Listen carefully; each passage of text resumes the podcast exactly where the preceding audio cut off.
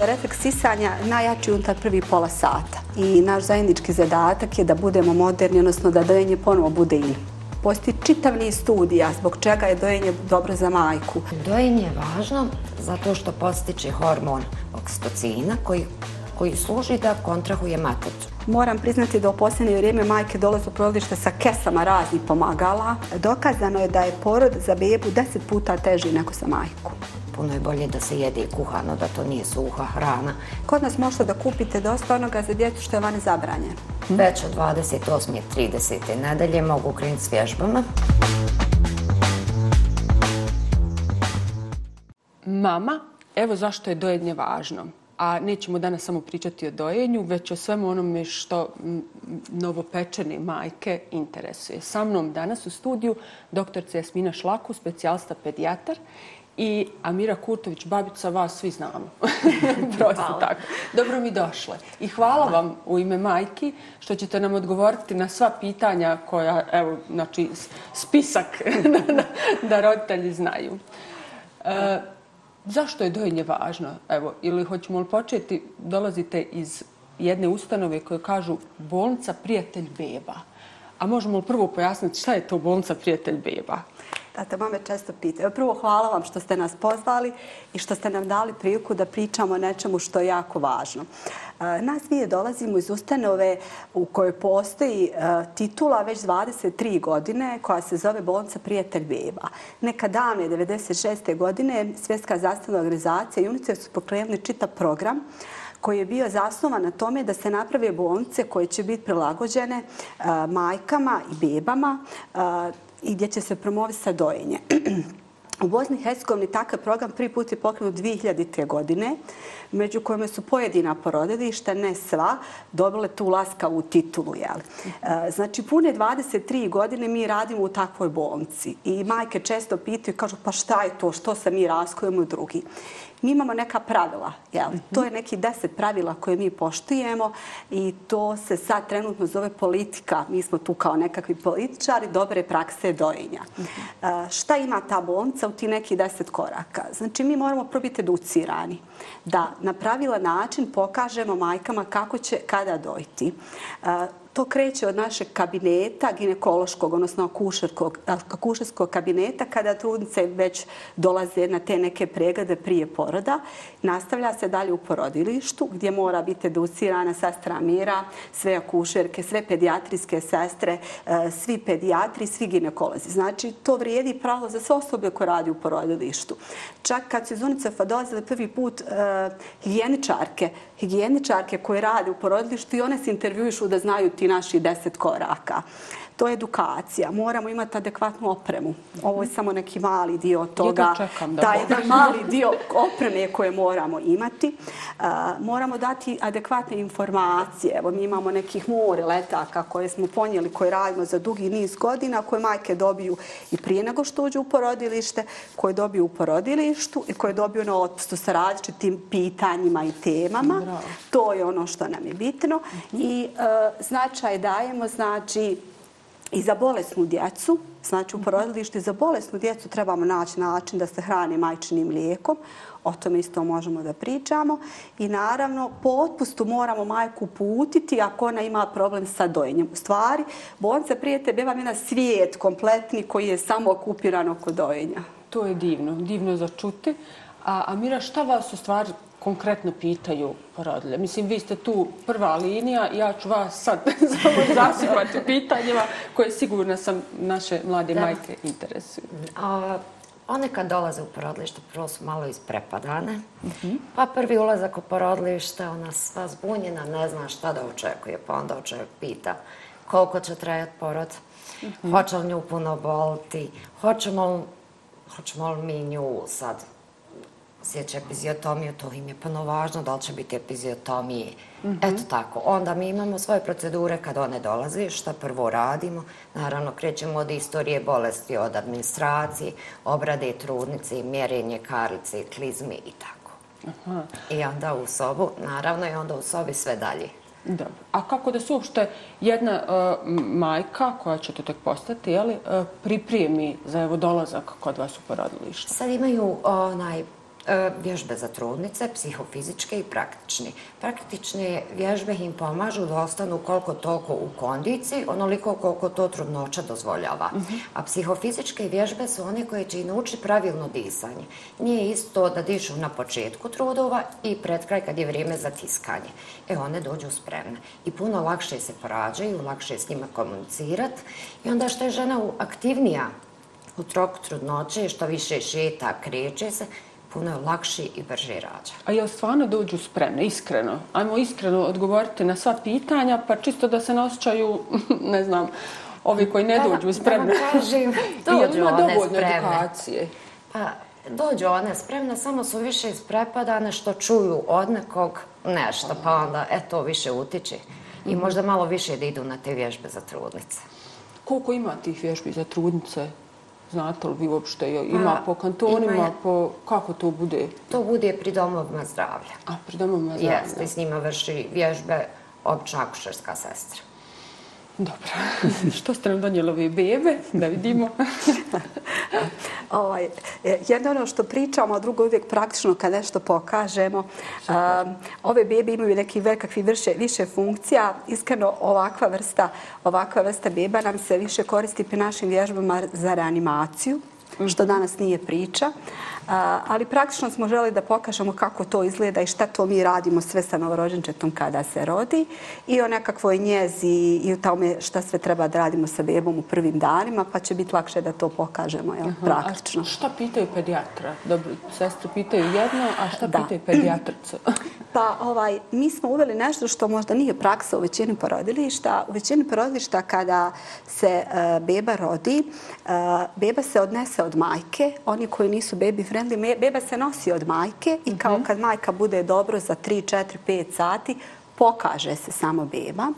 U bolnici prijatelj beba je to drugačije. Znači, kada se rodi nakon spontanog poroda beba, ona se unutar pola sata daje majci odma, jer mi uh, preferiramo e, bedding in, odnosno rooming in. Znači boravak bebe sa majkom u sobi, odnosno u krevetu. Zato što je refleks sisanja najjači unutar prvi pola sata. Znači, zajednički zadatak majke, pedijatrijske sestre i akušerke i pedijatra i ginekologa je da mi unutar ti pola sata uspostavimo dojenje. To je prvo. A ono drugo jeste što e, u većini porodili šta se djeca gledaju e, bez prisustva majke. Znači, gledaju se u tim, kao mi to kažemo, neoboksevima, dječjim boksevima, što kod nas nije praksa. Znači, mi pedijatri ulazimo kod majka u sobe i pregledamo djecu pred majkama. Znači, majka ima pravo da nas pita sve što želi. Znači, mi e, imamo jedan kao mali pokretni sto i mi znači, ovako rastvorimo bebu i gledamo bebu znači, pred majkom i sve objasnimo i sve ona ima pravo da nas pita. To je možda zahtjevnije, ali je puno korisnije za majku da dobije sve ono što je interesuje. Naravno, apsolutno. To je stvarno super stvar. E, posle poroda, je li iskreno, da li je majka uopšte spremna onaj, da, da ne znam, uzme bebu, da s njom komunicira, da ovo zbog svojeg statusa, bolova, kako se majke osjećaju posle poroda? U većini slučajeva spremna su. I one to žele. Traže bebu odmah na kožu, na dojku. Onda i mi gledamo, forsiramo, pustimo da malo ispulsira pupčanik. Sve u zavisnosti kako je beba i kako je majka. Mhm. Pa dobro, po, one su sposobne. Dobro, da. One su sposobne. Naravno, da. ima raznih slučajeva. Nije ni jedan organizam, sve smo individue. Tako Jest. da... I čiji majka završi sa porodom, kad pređemo u sobu, naravno odmah i beba ide uz majku. Super. E, milion pitanja smo postavili, jer sam ja onaj, tražila da mi postave pitanja koja ih interesuju. Mislim, dojenje je stvarno pitanje koje se ponavlja u, u, u većini slučajeva jednostavno, ja ne znam, nisu spremne majke ili, ili ne znam, nekako nije im se dovoljno objasnilo ili pa hajde da taj, tu, tu tematiku dojenja, da nekako skinemo tu koprenu s toga. Kako početi, kako bebu prisloniti, znači baš eto to dojenje. To im je važno. Pa dojenje prvo ne bi trebalo da bude problem. O tome bi trebalo da pričamo kao ljubavi, kao emociju, kao nečemu dobrome ovaj nekakav zadatak nas koji dolazimo iz bolnica Prijatelj Beba jeste da mi želimo da budemo moderni. Za majke koje ne znaju u okruženju, eh, prošli mjesec je bio Evropski kongres pedijatara i sve teme su počinule i završavale sa majčanim lijekom. jer su nam djeca bolesna i naš zajednički zadatak je da budemo moderni, odnosno da dojenje ponovo bude in. Mi u Bosni i Hercegovini imamo statističke podatke koliko tačno majka doji, ali sam sigurna da su oni poražavajući. Možda je danas evo ova emisija jedan od razloga. Pa mislim kad ste intervjuisali bilo koga na ulici da ga pitate je li dojenje dobro, je li bolje dojenje ili formu, onda ćemo svi reći da je dojenje. Pa u čemu je problem? Evo smo sad i van emisije pričali o tome. E, to je ozbiljan problem koji moramo pomoći majkama. Jedno je da bolnice koje nisu prijatelji beba budu prijatelji beba, zato što se moramo vratiti fiziologiji prirodi. Kada se porodi spontano žena, onda se beba mora staviti koža na kožu. Ne možete od nje dijete tamo negdje. To je prvo. Da uspostavimo to dojenje unutar pola sata. Da pravilno pokažemo položaje. Da na otpustu majku, ako je prva beba i ona ima pravo, to je praksa i vježba, uputimo dalje. Ako ona ne zna i ne može, e, obično dođe okuženje porodice gdje onako najlakše se kaže ti to ne možeš, ne znaš. Ili ono što me uvijek boli ako čujem da je neko rekao da majčno mlijeko nije kvalitetno. Ne postoji nijedna studija nikada napisana koja je to, koja je to potvrdila i onda majka tako e, nesigurna u svemu tome postegne za bočicom i za formulom. Ovaj, I ja uvijek kažem, u porodilištu dođite nam, imamo broj telefona, pozovite nas, slobodno pitajte. Taj neki krizni period je prvi 5 do 7 dana. 5 do 7 dana u kojem vi ovaj, stvarno trebate pomoći. Mi, nažalost, nemamo previše udruženja u okruženju i u razvijenim zemljama postoje udruženja kao podrške majkama ovaj, gdje majke idu, mi imamo institut za majku i dijete, oni su trenutno jedini koji imaju, ovaj, koji imaju takve vrste ovaj, pomoći i to nam je stvarno potrebno. Jedna mene majka reka, znate kako doktorce, meni je peto dijete, ali nekada smo bili u porodicama u kojem je bilo normalno da dojimo pa nam onda svi kažu ti dojiš i pomognemo, a sad nismo u takvom okruženju, nažalost. Tako je. Mislim da ono potpuno je destimulacija dojenja mm -hmm.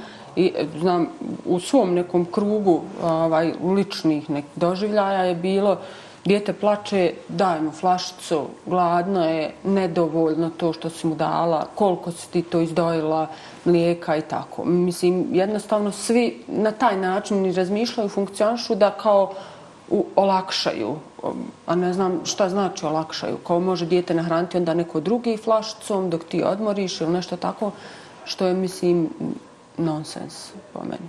Da. Mečka akademija za pedijatru je prošle godine objavila 101 razlog za dojenje u kojem je preferirala i upravo zbog toga na prvom mjestu nije stavila one benefite koji su za bebu, nego one koje su za majku postoji čitav niz studija zbog čega je dojenje dobro za majku. A, a onda, a onda za bebu. E, a onda za, za bebu. Ovaj, a, ako pričamo, prvo treba da pričamo o, o sastavu majčinog mlijeka. Ovaj, ja sam počela i nekim studentima i specializantima i svima da pričamo zato što u to vrijeme kad je UNICEF krenuo, bile su, bile su adekvatne edukacije i predavanja.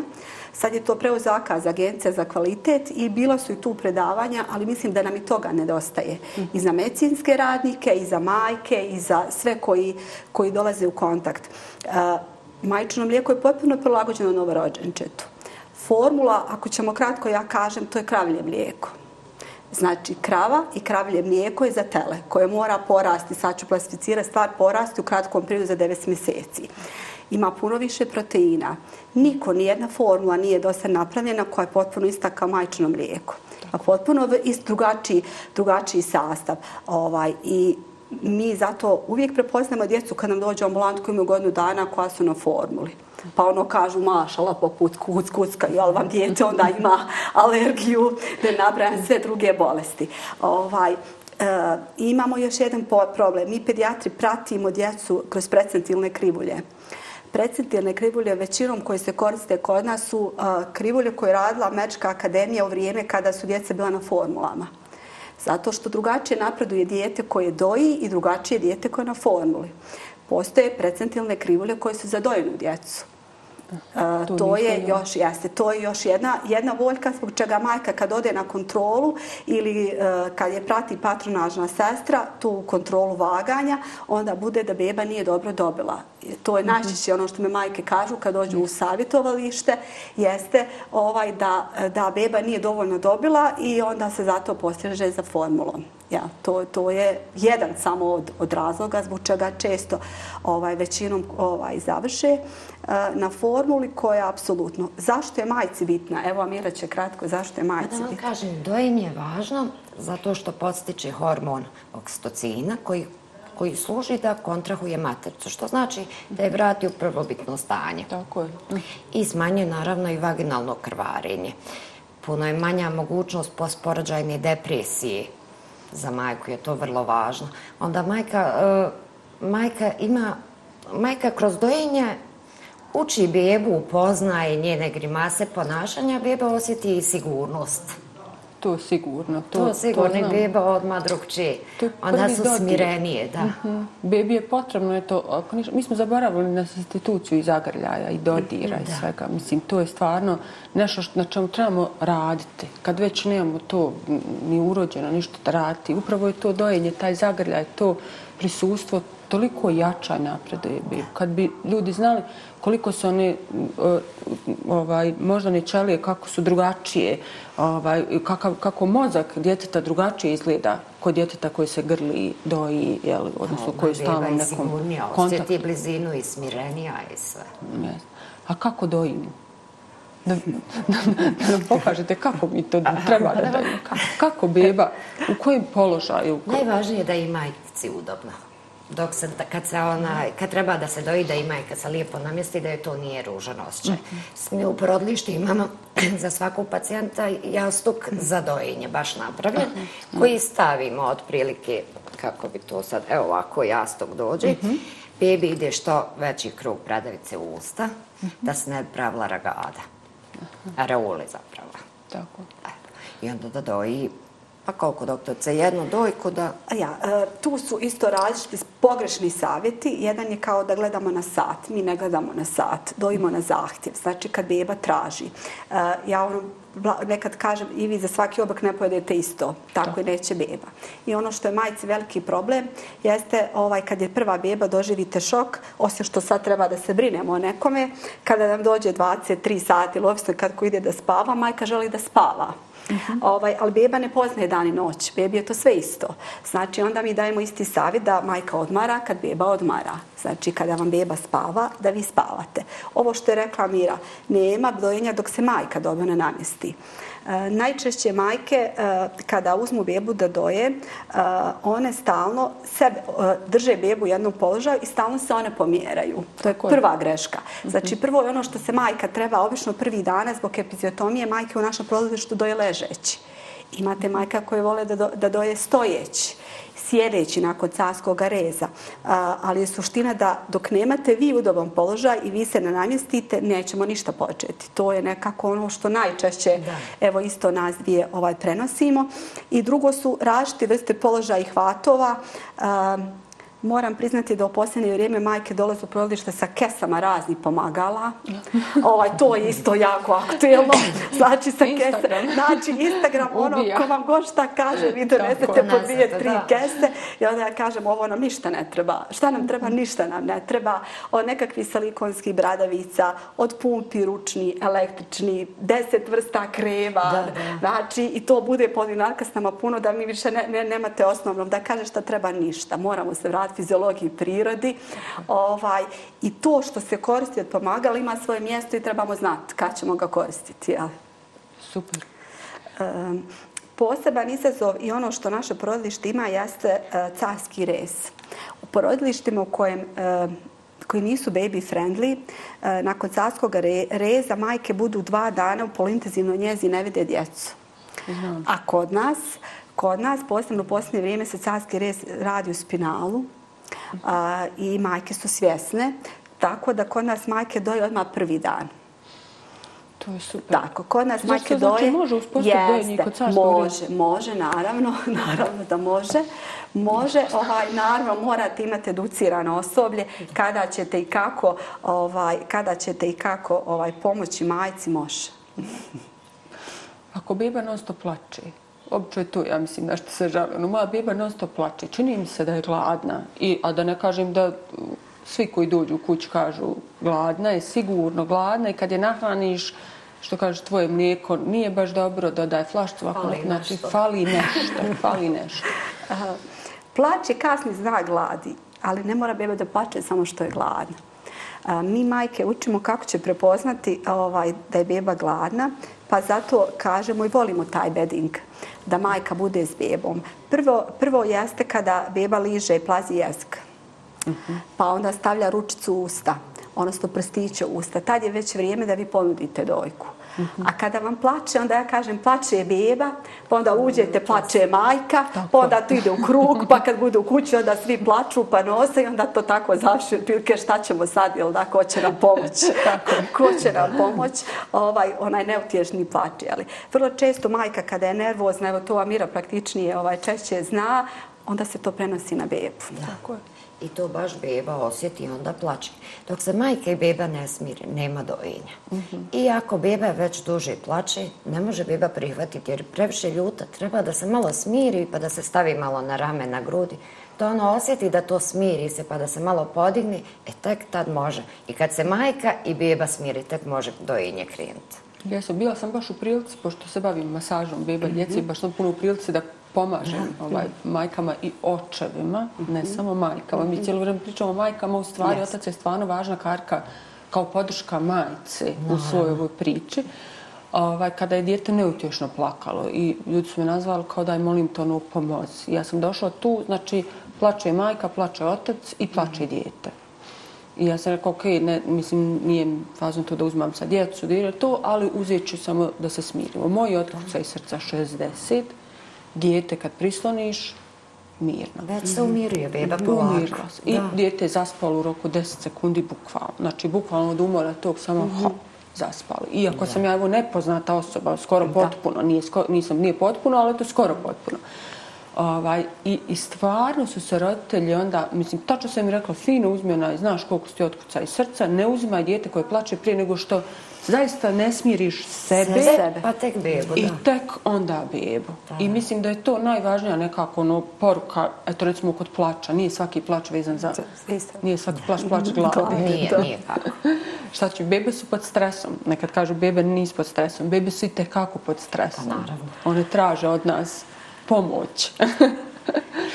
Šta mi, evo konkretno, malo prije, ovaj, baš Jasmina spomenula, e, dođu ovaj, majke sa tim koferima, bukvalno nekakvih rekvizita i svega e, u bolnicu. Puno bespotrebnih stvari. Bespotrebno. Hajmo im nabrojati znate šta tačno se šta treba donijeti. Dešava se dok je za, njen, za vrijeme njenog boravka dva do tri dana, oni samo donose. I znate kad krene kući, valjda to iznijeti. ono što je osnovno, to su, prvo su papiri. Naravno, najvažnija nam je krvna grupa, uputnica i zdravstvena knjižica. To je nešto što mora imati se pri ulasku u porodilište. Idu mrežaste virovi ulošci, imaju čikovi odlični isto ulošci, mrežaste gačice, spavačice, tri do četiri spavačice, jer u porodu vrlo brzo isprljamo onu jednu. Iza poroda se kupamo, tuširamo, naravno treba nam druga. Tako. I onda se obično ili se nečim zalije, ili se tušira naredni dan. Oni Vlažne maramice, to je bitno, oni- naravno za dojenje. Na. One, Da, na dugmiće. Tako, gumbiće. Da, i naravno važne su nam papuče sa kojim se može tuširati. Eto. Da se ne oklizne. Mi to uvijek vodimo računa ako ulazimo u kupatlo da ne padne, naravno. I znači dovoljno je to. Dovoljno. Znači ništa drugo, nekakve Da. kremce za bradavce, nešto. Pa kremica za bradavice može jedna, ne različite, ali mi obično ako je majka se porodila pa nam nešto treba, kažem da nam tata donese. A, Drago mi je što je spomenula očeve, mi e, e, smo porodilište koje odobrava da otac prisustuje porodu. Ovaj, to možda to još informacija tako? jeste, Ja. jeste, to je informacija još jedna koja je bitna, jer u nekoj novoj sad kulturu koju živim, mislim da je otac zapostavljen. I mislim da tate trebamo uključiti. Ovaj, ja često kada, majke, kada primijetimo da majka ima probleme i da izlazi iz porodilišta, kažem neka nam dođe tata. neka nam dođe tata i mislim da su tate te koje isto trebamo uključiti ovaj, puno više puno više, ovaj, ja Mira će se složiti, puno više ovaj, nego što su stvarno, jer mislim da se tata osjeća kao neko ko stoji sa strane i eto, nema nikakav zadatak i gleda. e, da, i one se puno sigurnije osjećaju toliko je to snažna neka emocija i toliko one osjećaju sigurnost da ona više sluša što on govori nego mi. Toliko se ona uzda u njega i to je toliko. Mada, mada se često desi da ne mogu da podnesu to pa znaju da kolabiraju. Malo smo ti slučajeva, da. Ovaj. Ali je ženama puno lakše. Puno sigurnije i lakše. Da. Kako ćemo, ovaj, prije nego što postavimo ovo pitanje, znači, rekli smo za majku šta treba, spavačice, ovaj, papuče kojima se može tuširati, to, da. ovaj, I stvar za ličnu higijenu, da. Tako je. A šta nam treba za bebu? Ili to pošaljemo tatu da kupi? Oni pelene neke? Aha. E, po našem porodilištu ne trebaju pelene. Ako duže boravi majka sa bebom, onda tražimo da nam tata donese. U principu donosi samo na otpustu na otpustu kada se otpušta beba, ono što je potrebno za bebu da se beba obuče, jel? To su stvari od djelce mhm. koje donese tu korpu u kojoj će iznijeti bebu i to je to. I to je to. Znači, za mamu i za bebu sve ukupno jedan mali, Ma, mali, mali kofer. Znači, bez potrebe bez o, za koferima i seljenjem. I to je najljepše kad ima se spremno na nekih 15 do 20 dana, da je to sve spremno, tako da ne bude u zadnji čas da se sve Super. I eto neka grickavca, sok, to je ono što da se Super. nađe pri ruci. Kod nas, u, kod nas u porodilište uvijek može da se donese ono što bi, što bi zafalilo. Tako da nema potrebe pretrpavati. Da. da. Sad smo tu razumijeli, bez gomilanja. E sad, da mi smo o, ovaj izašli s bebom, a, a kako bebu, evo recimo, prvo kupate i koliko često kupate bebu? Neko kaže, znaš, treba kupati bebu svaki dan. Drug kaže, ni govora, skidaš mu u površinski sloj masnoće i to onda pravi problem. Zašto imamo toliko atopijskog dermatitisa mm -hmm. i svih ostali stvari? E, hajmo i to da onaj, definišemo. Znači, beba je došla kuće, koliko puta nije da se znoji baš, koliko puta u stvari treba bebu kupati i s čim kupamo bebu i na koji način je kupamo da nam se ne bi udavilo. ovaj, industrija je nekako ovaj, krenula u tom pravcu i razim, jel tako? Ovaj, ja kažem, puno stvari koje kada dođu, obično nakon sedam dana, ako ima potrebe na kontrolu, roditelj donese toliko stvari i ja kažem, ovaj, to bebi ništa ne treba, niti joj znači.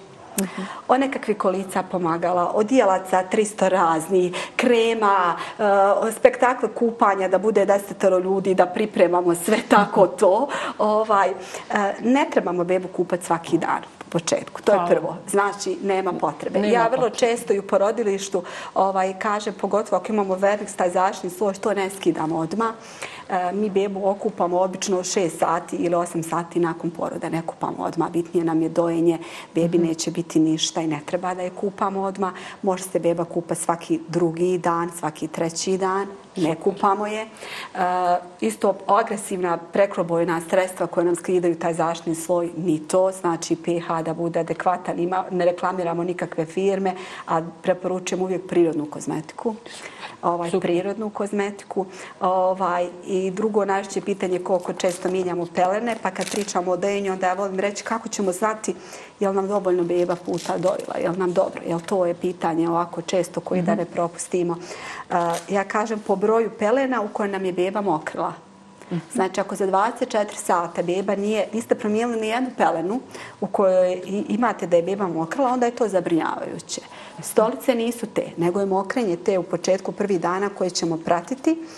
I ono što nam je jako bitno što kažete da beba ne bi ovaj aspirirala, kako kažemo, kako držimo bebu u kućnim uslovima, to odmah učimo u porodilištu. Nećemo je staviti na leđa, Dobro. stavit ćemo je na bok. Znači, kada god niste posebno tu prisutni, ako majka ide u toalet, ako sama, ako je tata negdje izašao. Ako držimo bebu na boku, ako nam je ostao višak mlijeka ili prvi dana ima pravo da bljuska plodovu vodu, uvijek bebu držite na boku. Ona će to izbaciti sa strane i neće se ugušiti. I ono što je majkama kad je beba kraj vas, uvijek okrenuta licem. Nekada se desi da majke se uspavaju, pokrenu bebu, pa prva Amira koja uđe kaže, molim vas, majka, nemojte bebo, krenite prema sebi. Ako nam se to desi, sigurni smo ako nam je beba na boku. To nam je bitno. Evo, Amira, kako kupamo bebu? Važno je da bebu da je lice prema dola ovako. Držimo, kako sad to da objasnim? Dobro. Praktično, Evo praktično, ovako, da, Maja. da ispod, ovako, da držimo bebu prema dole. Na prsima, Prsima, da. I lice prema podu, naravno. Da bude neka mlaka voda, u suštini ona koja i nama odgovara, ne nešto toplije. I koristimo, naravno, neke šampone koje imaju nisku pH vrijednost i to ne traje dugo. Evo, To je to otprilike i Samo bebu, o, o, onaj, prvo, o, ko- jel, okupamo vodom, Da. opremo vodom, a poslije toga šta je s glavom, ušima, kako uši e, Sve peremo, znači Sve krećemo peremo. od glave Od prema glave dole prema i ne vraćamo se nikada od ozdo prema gore. Znači da ne bismo stolicu ili mokrenje prenijeli go prema, prema, Prema ovaj, licu, to. Super. A kad je djevojčica, recimo različito, djevojčice i dječaci, baš tako zbog tog, zbog higijene, kako e, njegovati, recimo, taj, taj koji je naj, recimo, Da, evo ovo je dječak što bi rekli. Ovaj, majke to često pitaju da li to nešto, ako je muško, treba drugačije. Pa u početku prvi mjesec dana ne. Apsolutno sve isto. Znači nemate tu neke, neke preporuke. To majke trebamo li čistiti drugačije, trebamo li, znači kupa se beba isto. Znači kupate bebu ovaj, na drugi, treći dan isto. Uh, voljela bih da da pričamo o oblačenju bebe. E, zato Super. što roditelji ovaj, Preoblače. preoblače bebe ovaj, preoblače bebe, pa onda beba bude nervozna, počne da plače, pa onda pitaju obično šta smo trebali obući. Rekao, je li vama vruće sad? Pa kaže, jest. Pa što ste onda bebi stavili tri deke, jedan jorgančić, dvije kape ovaj, i tako, stvarno im bude vruće. Da. Ovaj, I to bude tako i u porodilištu. I u porodilištu. Pretople se djeca. I onda naravno tako da je to. I onda i to izaziva plač. Dijete se buni vruće. pa jedan bodi i onako ko što bi se mi ovuk, to je kao Jeste, potkošulja. kao i- tanki, ona imate gegicu iz jednog dijela, tanka nekakva dekica. Prvi dana nam je kapa bitna. A, pogotovo kad vani izlazimo, kapica nam je bitna, ali kako rastemo, imamo one čarapice, znači a sve drugo nam je suvišno, stvarno to nije potrebno.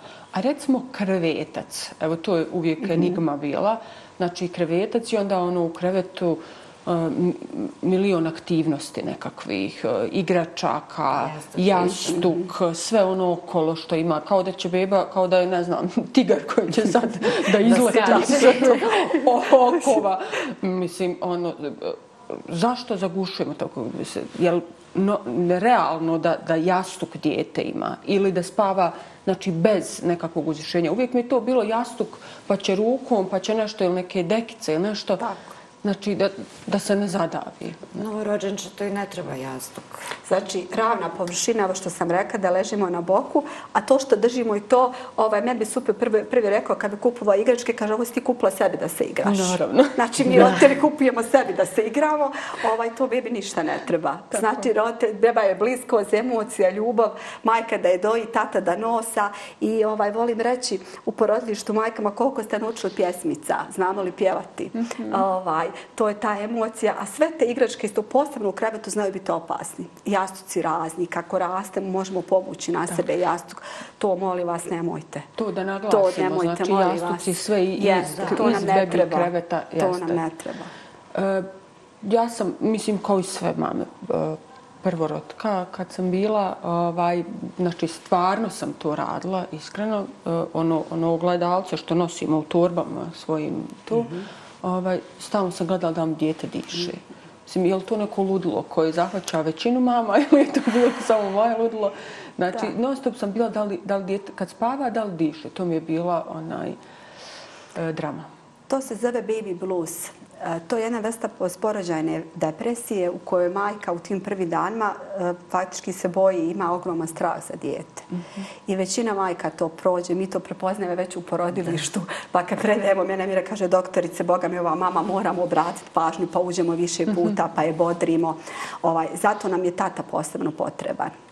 Zato nam je tata posebno potreban i majka sve ono što osjeća treba javno da kaže. Ja kad se boji, evo vi kažete iskreno, mislim, to je sasvim normalno da se bojimo. Mi obično pitamo je li prva beba. Kad znamo da je prva beba, imamo drugačiji pristup jer smo svjesni da vrlo često se to može dešavati, da su majke i plačive i da se boje, da svake minute nazovu nešto, uh, sestro ili mene doktorica, mova s beba mi diše, ne diše. To je sve sasvim normalno. A onda ako dolaze drugi, treći put, onda mi kažemo ima više ne treba. Trebamo. Vi ste sve to prošli.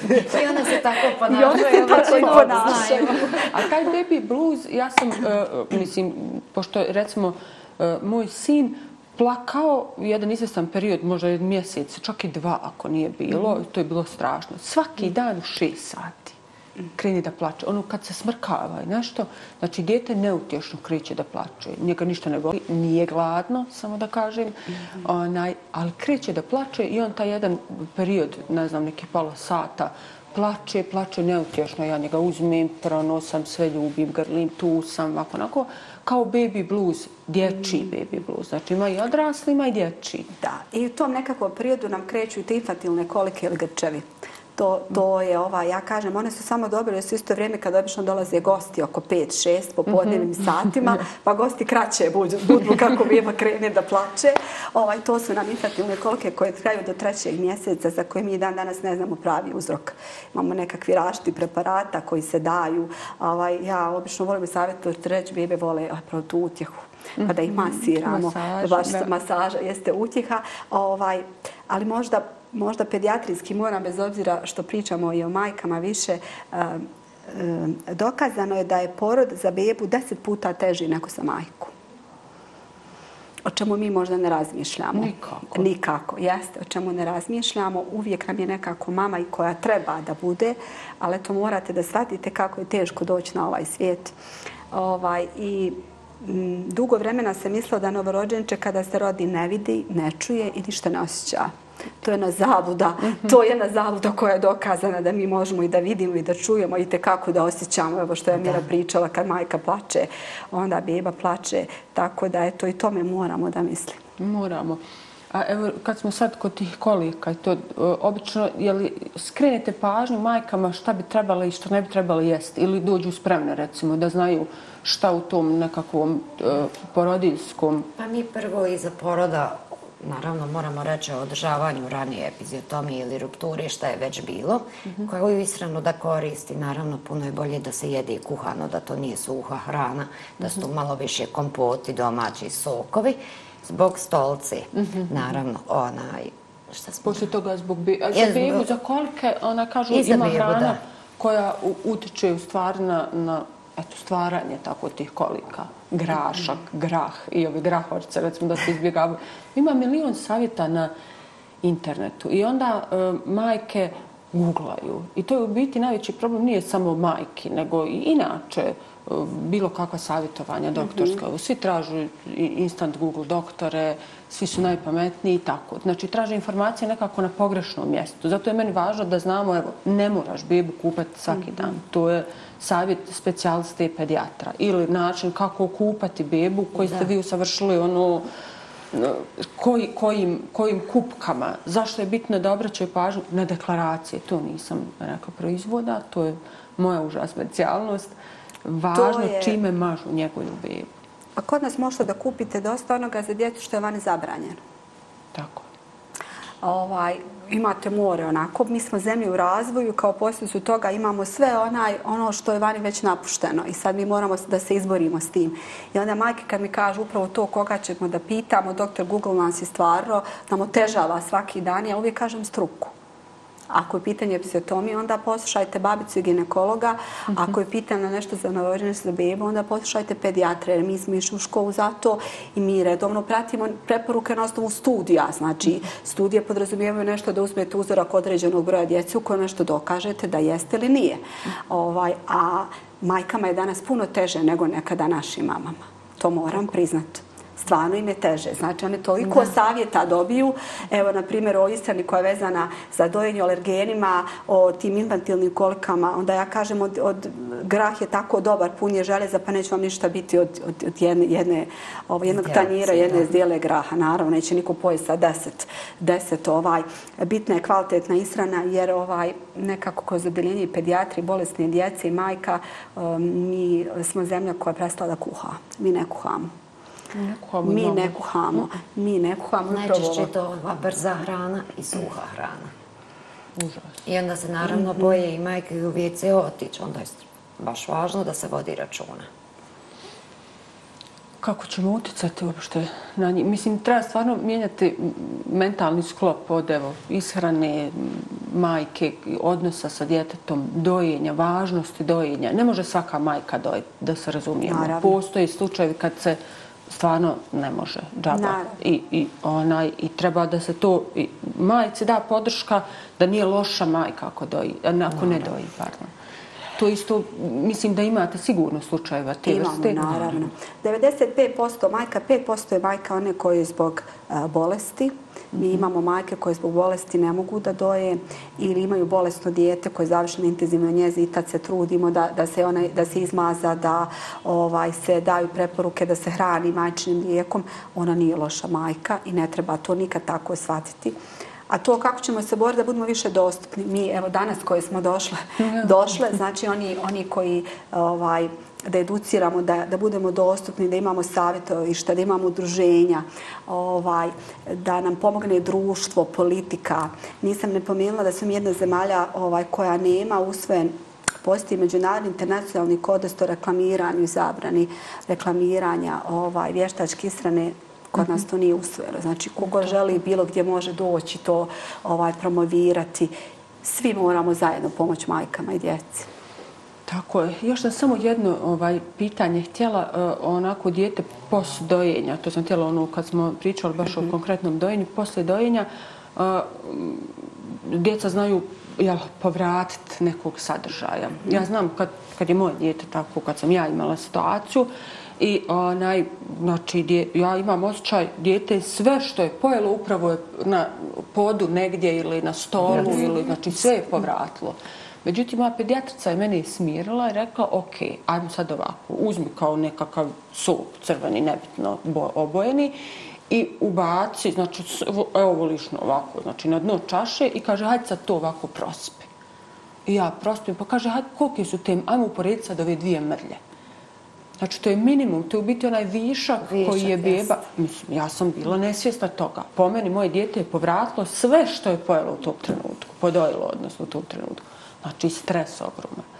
To, recimo, nismo educirani. Evo. A to se dešava svakoj majci 100%.